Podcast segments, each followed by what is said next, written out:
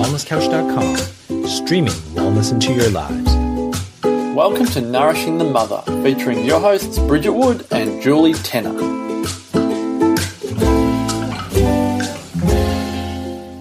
Hello and welcome to Nourishing the Mother. I'm Bridget Wood. And I'm Julie Tenner. And we'd love to dive more deeply with you on a weekly basis where we can really take you into our lives, into our learning, into our loves, into our wrap ups for our week. So we'd love you to join our tribe so that we can connect with you via email. So you can do that at nourishingthemother.com.au and join our tribe, and you'll just get a once a week email, sometimes twice a week if we've got some juicy stories to tell, mm. so that we can really, you know, be front of mind when we're on this conscious parenting gig. It's really often about the reminders and the stories and the ah, oh, yes. Mm. And I think that's really what we're aiming to do here. So mm. jump into our tribe so that we can really help you facilitate being the best possible version of you you can be in this motherhood gig. That's it. And this week on the podcast, we are talking embracing the chaos, and it's really comes off the back of the blog.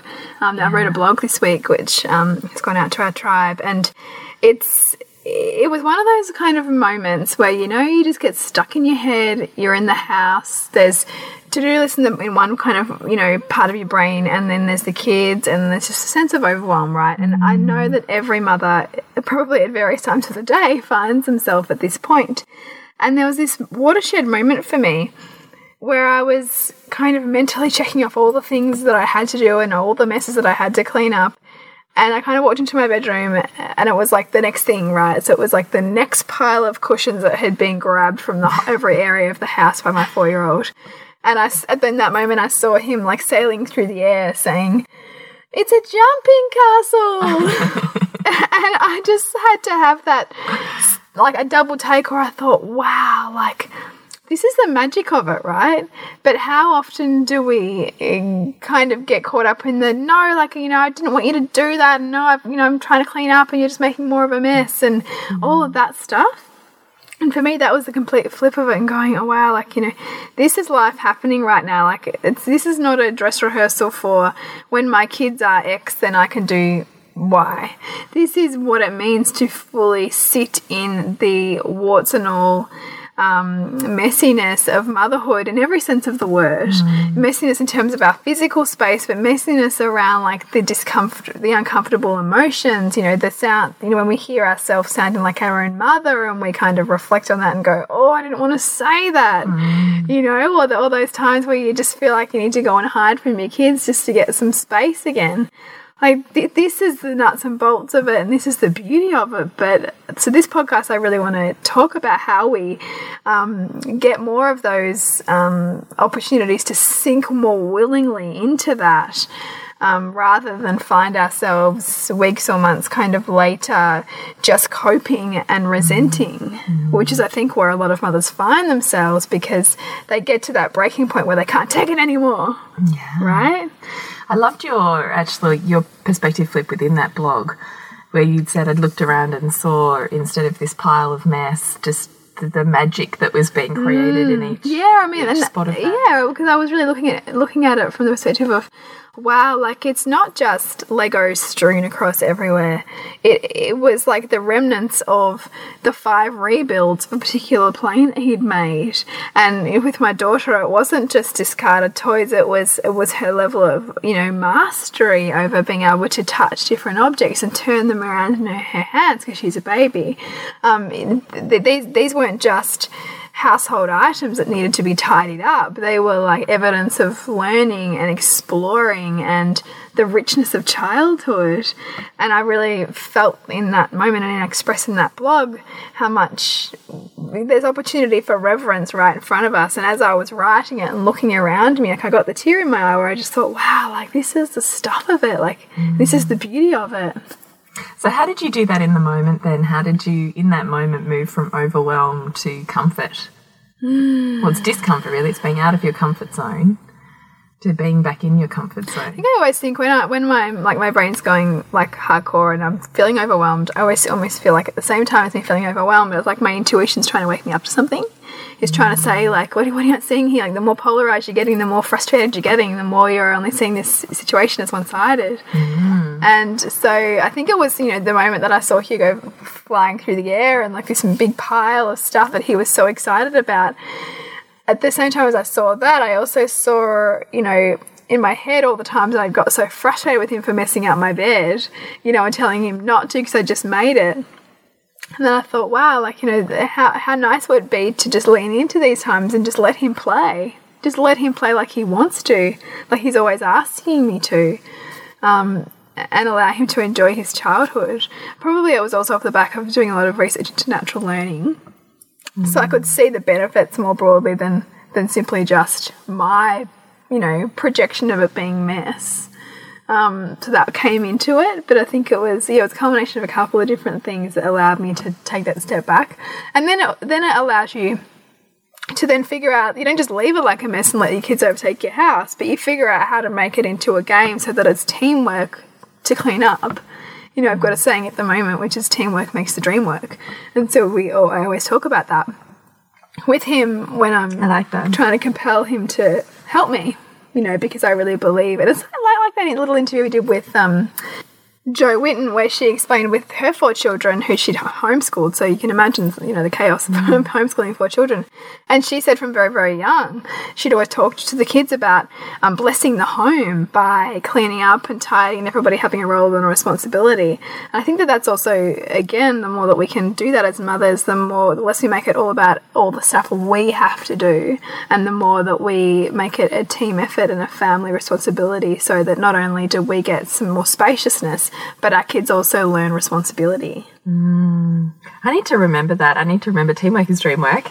and I need to remember the Blessing- home blessing. I had forgotten that. Yeah, yeah. And I think it's really empowering for kids to have those responsibilities. I mean, you do that with your older kids for sure. Yeah, yeah, I definitely do. But it's more like I just expect you to do it. Yeah, yeah. Not probably with the same reverence that perhaps I'm Hmm. sort of hearing in these conversations, maybe. Yeah, and I think it's, I mean, there's always an opportunity, isn't it? Like it's that kind of thing, you know. If, if we're going to have things in our home that we get, you know, maybe if, if we get to eat nice food, then we also have the responsibility to clean up, you know, the plates and the glasses, and you know, we'll be, we'll be part of it together in preparing that nice food.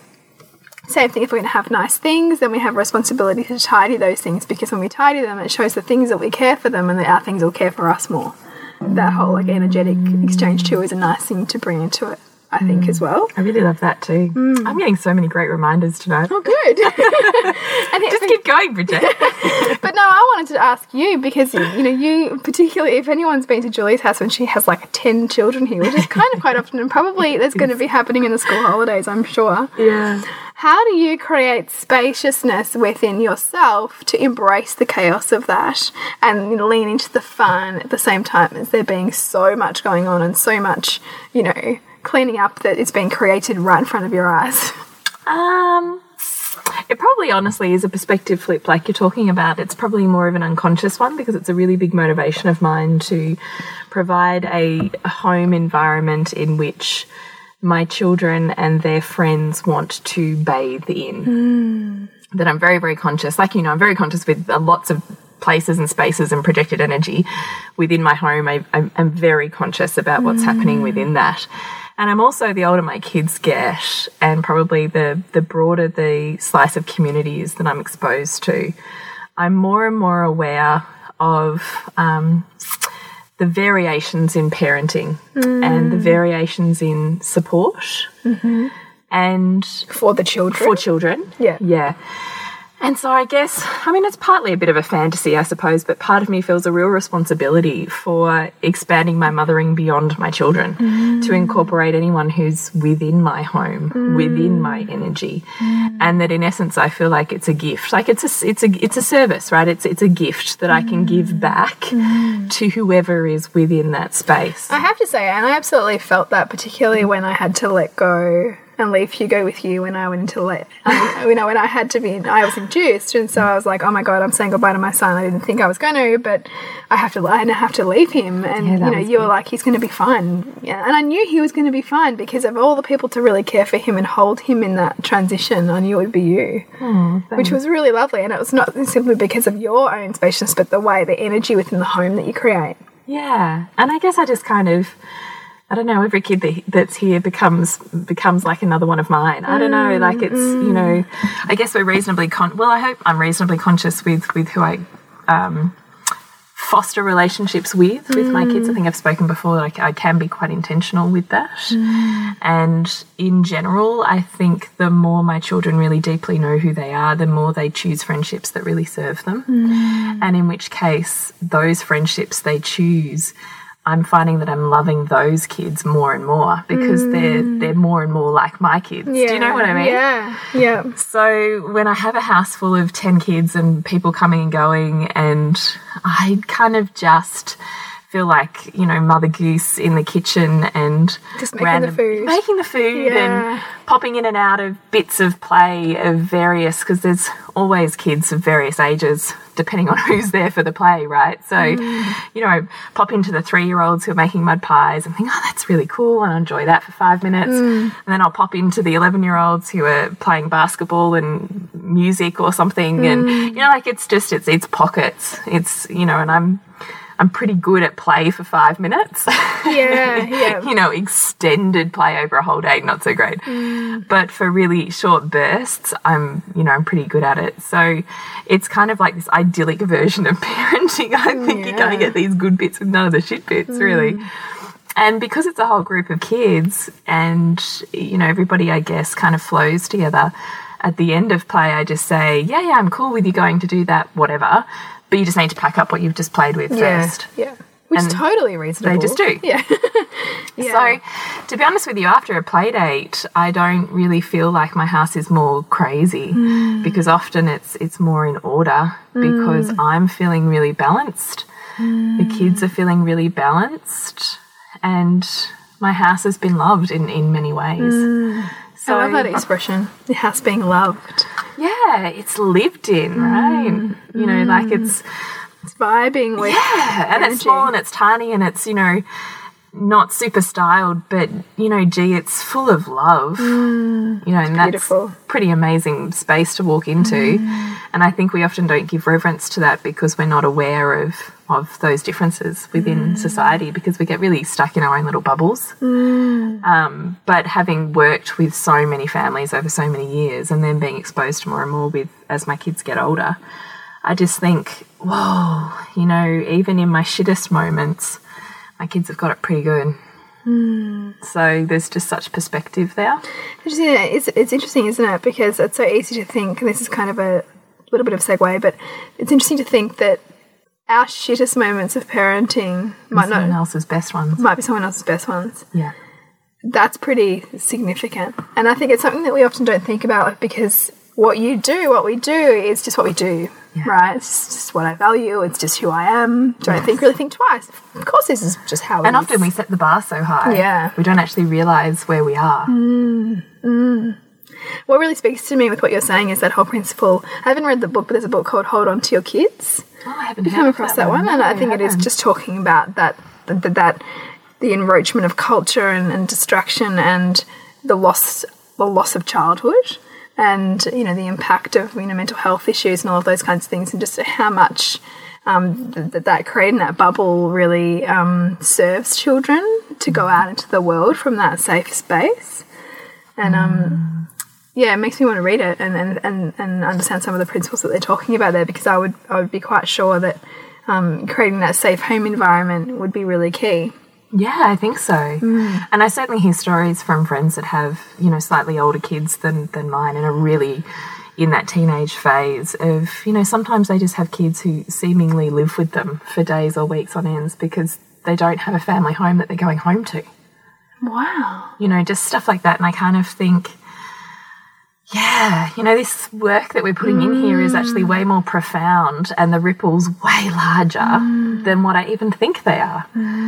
So, you know, what I'm here. But yet, but yet, because there's not a societal kind of like tick of approval on what, on what we do, and we put this kind of effort in, it's easy not to value it. It's easy not to kind of think that. But it's kind of like that. What's that? Con it's like the angel donation, you know, to actually to put your money towards something completely anonymously. You know, what's that called? Yeah, it's got a yeah. term for it.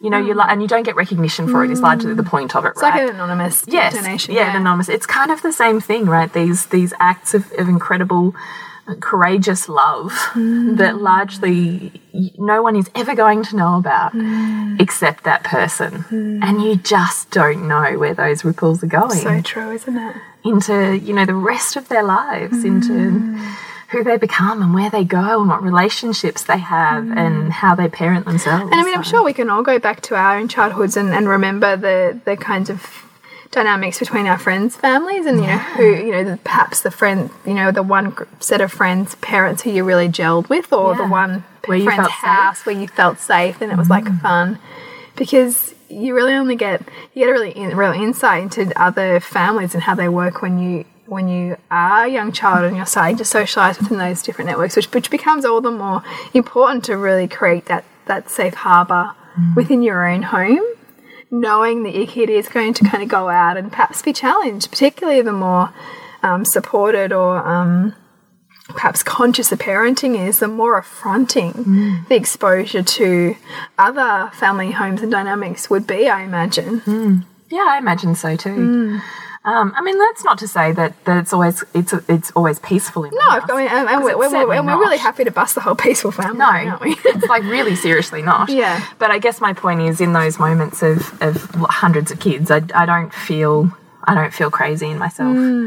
Um, I guess in the day to day, I'm thinking about the overwhelm, like the crazy house that I can't get on top of, and the to do list that that seems really big. Um, they are the times probably I, I realize I'm battling with myself in an outdated belief system mm. because whatever's holding me there in the overwhelm is is is outdated, right? It's not mm. reality, it's not truth, it's certainly not expansion. So it's mm. keeping me somewhere. And I'm acutely aware of that now. And so instead of trying to um, be the martyr and you know soldier through and uh, you know feel completely resourceless and tapped out and cranky by the time my husband even steps foot in the house. Um, now I actually embrace him into that, even though he's at work.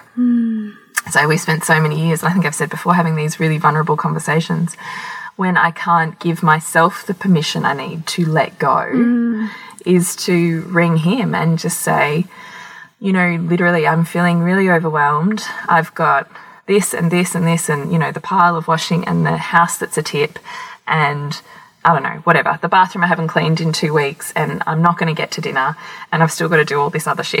and, mm. and, I, and I just, I'm so tense and I can't stop, and, you know, I really want to.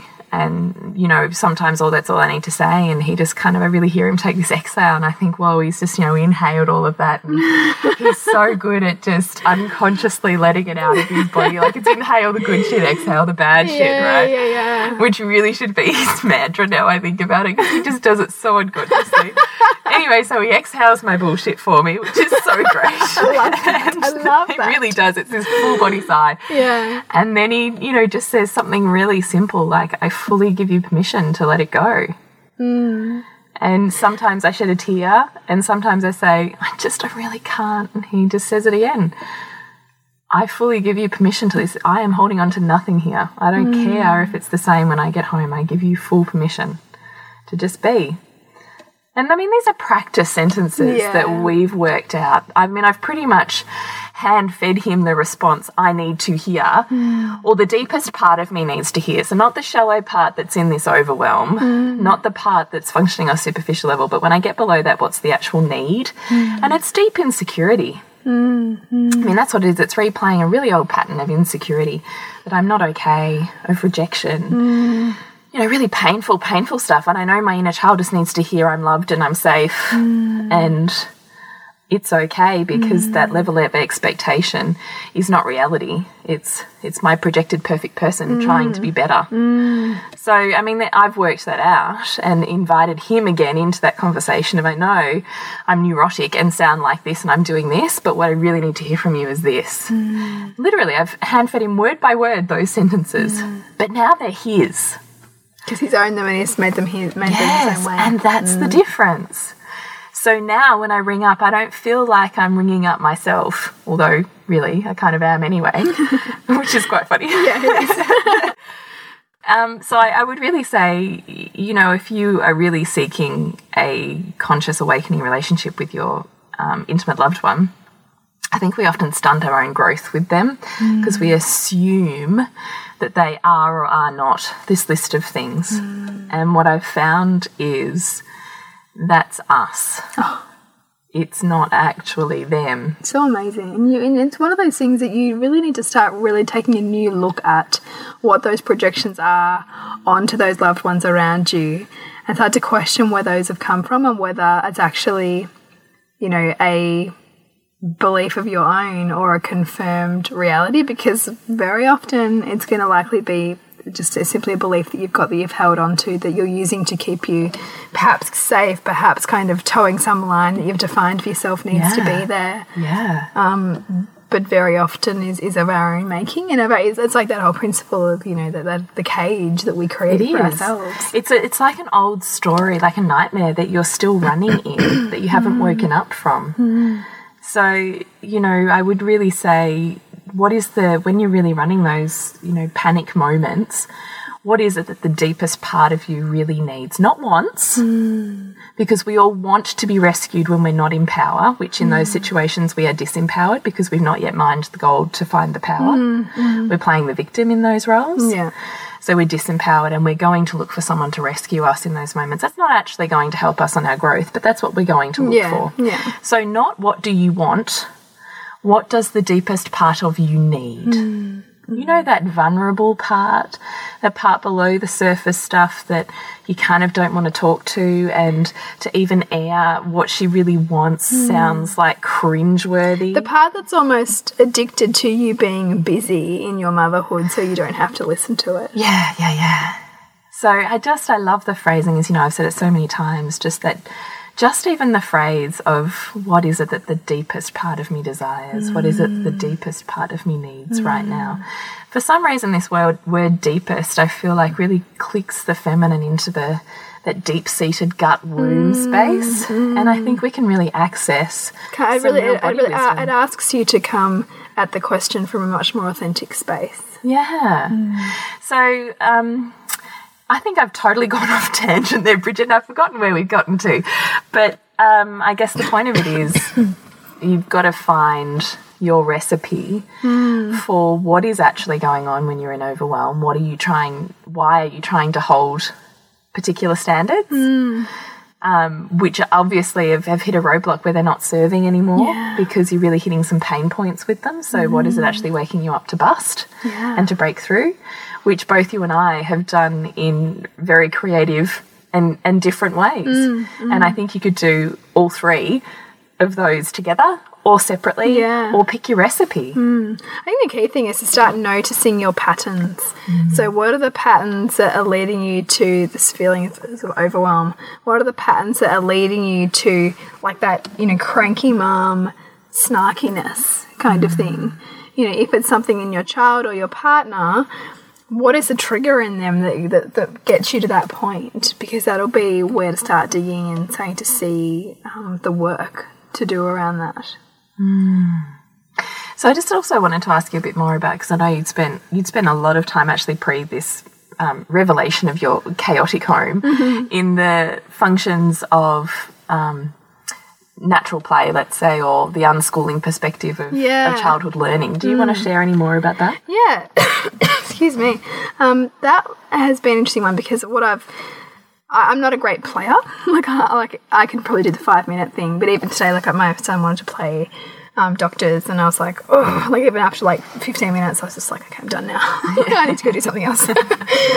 um, so really learning about unschooling natural learning has really been um, much more a way, a mechanism for me to be in more inspired to lean into the learning and and and help um, scaffold his learning because and rather than simply sort of see like looking after the kids as kind of a, a thing that I just do and don't put much thought into like I'm a massive learner like learning is my like number one thing Yeah, that I love yeah. to do.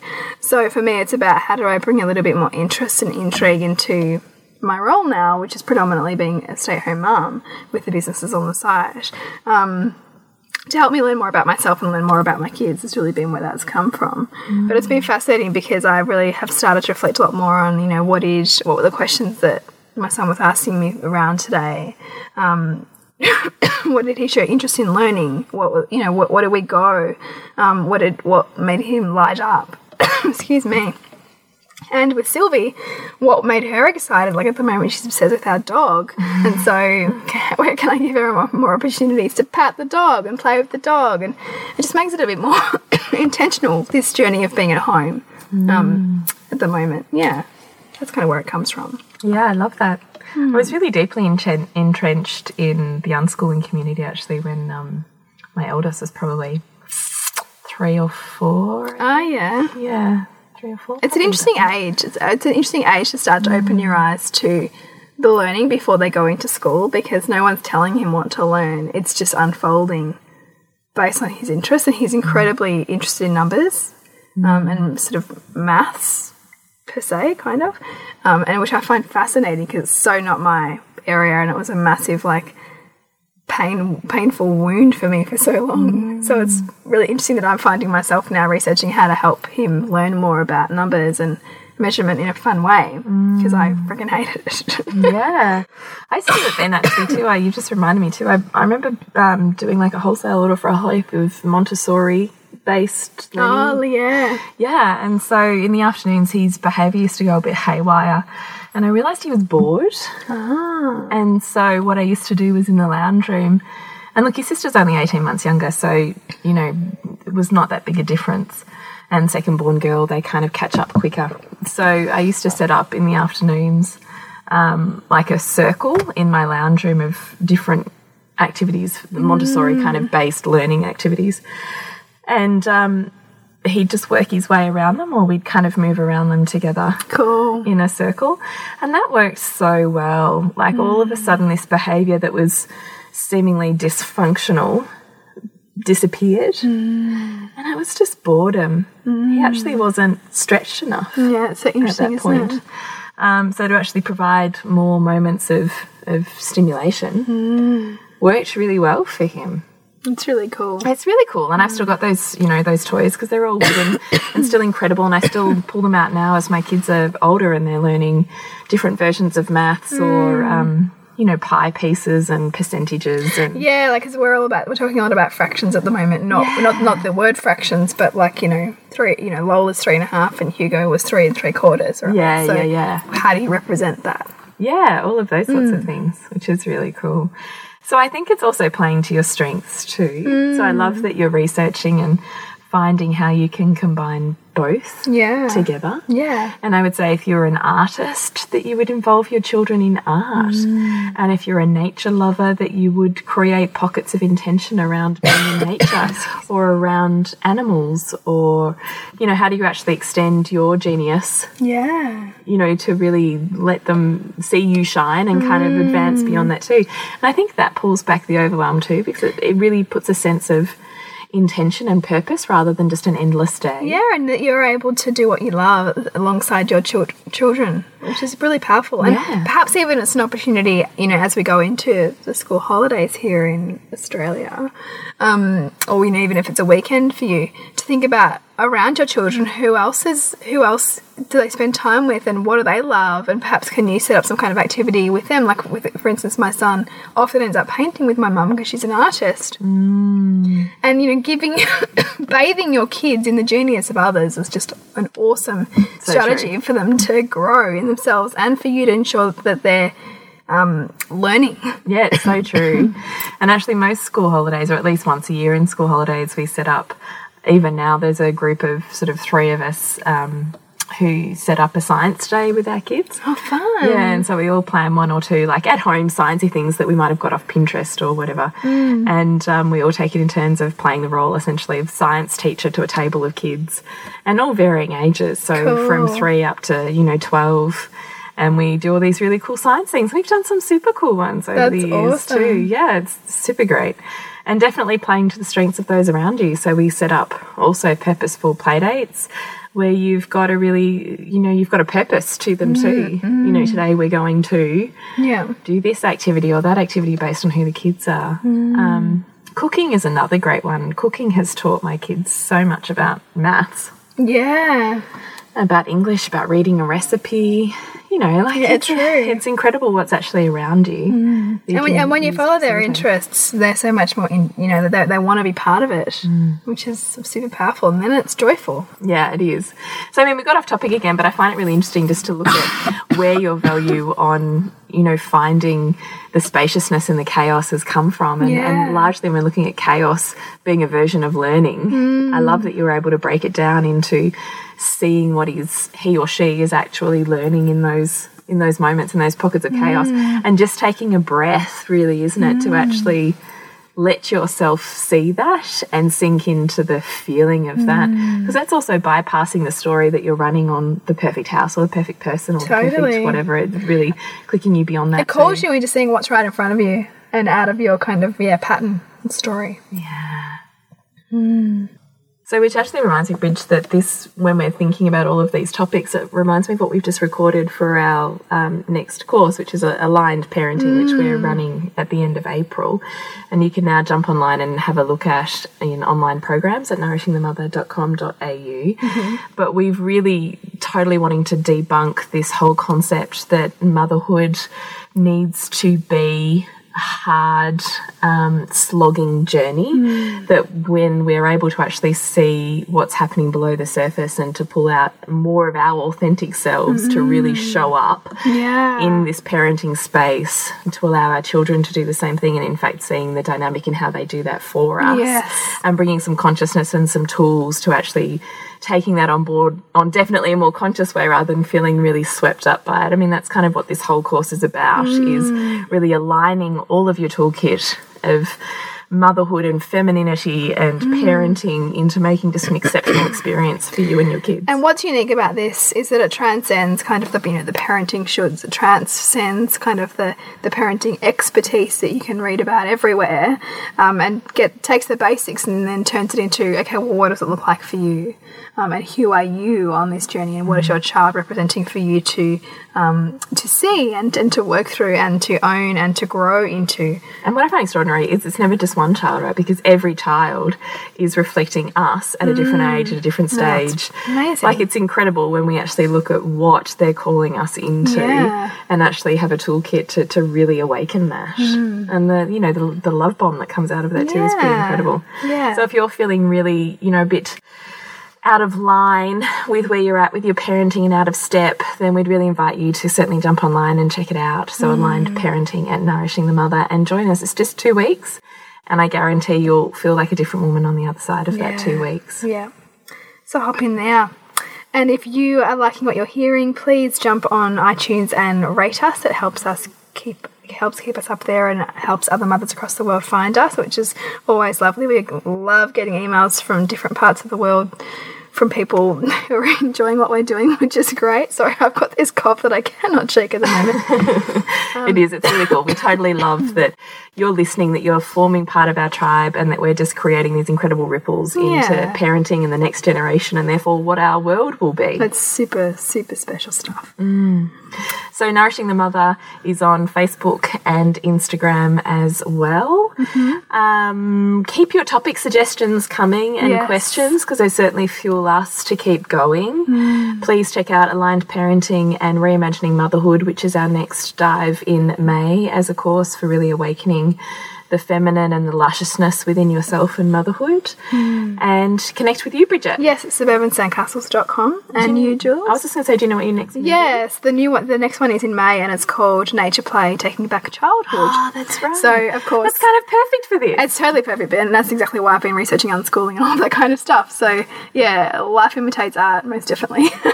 I love that. yes, I'm really excited about that one. So, if you're in Melbourne, love you to come along and join us for that. And connect with you, Jules. Is thepleasurenutritionist.com. And until next week, when we continue to peel back the layers We'll get on it right. mothering We'll get it right one week. This has been a production of TheWellnessCouch.com. Check us out on Facebook and join in the conversation on Facebook.com forward slash The Wellness Couch. Subscribe to each show on iTunes and check us out on Twitter. The Wellness Couch, streaming wellness into your lives. Whilst the Wellness Couch presenter endeavor to provide accurate and helpful information to their listeners, these podcasts cannot take into account individual circumstances and are not intended to be a substitute for health and medical advice from a qualified health professional. You should always seek the advice of a qualified health professional before acting on any of the information provided by any of the Wellness Couch podcasts.